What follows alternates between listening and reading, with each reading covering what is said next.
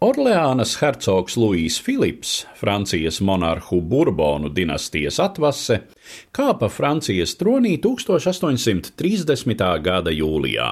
Tas notika revolūcijas rezultātā, kura gāza no troņa karali Šarlu X, jo šis konservatīvais monarhs tiecās atjaunot Francijā kārtību, kuru vairākas desmitgades iepriekš bija sagrāvusi Lielā Franču revolūcija.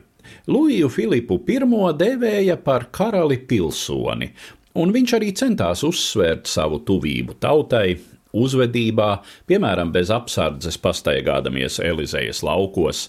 Tika atcelta cenzūra, paplašināts balstiesīgo iedzīvotāju lokus, kas gan joprojām palika ļoti šaurs, tikai nedaudz vairāk par 200 tūkstošiem valstī, kuras iedzīvotāju kopskaits bija ap 30 miljoniem. Zemākie slāņi, kuri bija cīnījušies uz revolūcijas barikādēm, nebija mierā ar viņiem ļauto brīvības apjomu. Pirmajā Luija Filipa valdīšanas desmitgadē vairāk kārt uzliesmoja sacelšanās, tika dibinātas slepenas biedrības, pret karali vērsti kādi desmit atentāta mēģinājumi, un tas bija motīvs varai atkal piegriezt skrūves. Pati valsts sistēma joprojām bija uzbūvēta tā, ka ietekme neizbēgami koncentrējās šauras elites rokās, kura to izmantoja diezgan nekautrīgai korupcijai. Šīs tā sauktās jūlija monarhijas laikā sazobē ar valsts varu vislielāko ietekmi ieguva finanšu lielburžuāzija. Kā par to rakstīja kreisais domātājs Kārlis Marks, jūlija monarhija bija akciju sabiedrība Francijas nacionālajā nacionālās bagātības eksploatācijai. Luīs Filips bija šīs kompānijas direktors. Kādu laiku situāciju amortizēja saimnieciskais uzplaukums, taču no 1845. līdz 1847. gadam vairākas Eiropas valstis piedzīvoja neražu. Kritās pieprasījums pēc rūpniecības precēm, un 1847. gada rudenī Eiropā sākās ekonomiskā krīze. Gada beigās ap 700 tūkstošiem franču strādnieku bija zaudējuši darbu, pārtikas cenas neražu dēļ bija augstas, vietām jau sākās bada dumpji ar veikalu izlaupīšanu. Uz šī fona aizvien skaļākas kļuva prasības pēc politiskām pārmaiņām. Popularitāti iemantoja tā sauktie reformistu banketi, proti, lai apietu stingros sapulču noteikumus, reformu piekritēji sāka pulcēties plašos mielastos, kas nebija aizliegts.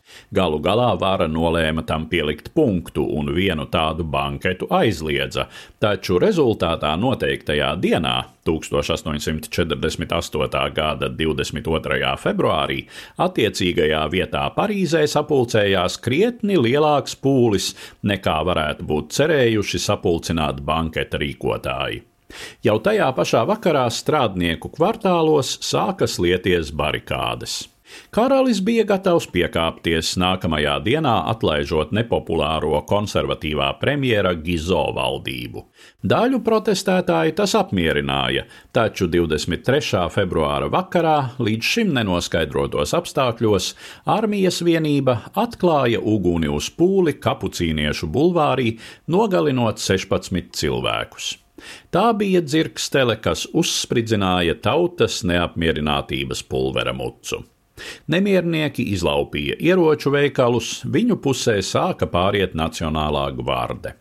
Nākamajā rītā karalis beidzot piekrita reformēt vēlēšanu sistēmu un izsludināt ārkārtas vēlēšanas, taču bruņotais pūlis jau lauzās pilsētas virzienā.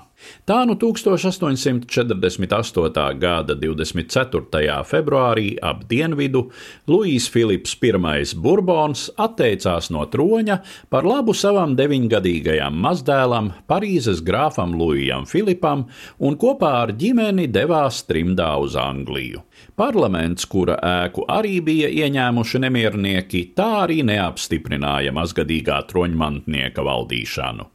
Tika izveidota pagaidu valdība, kura nākamajā dienā, tāpat bruņota pūļa klātbūtnē, pasludināja republiku. Līdz ar to Burbonu dinastija, kura savas saknes saista ar vēl 10. gadsimtā valdīt sākušajiem kapetingu karaļiem, uz visiem laikiem pameta Francijas varas virsotni. Stāstīja Eduards Liniņš.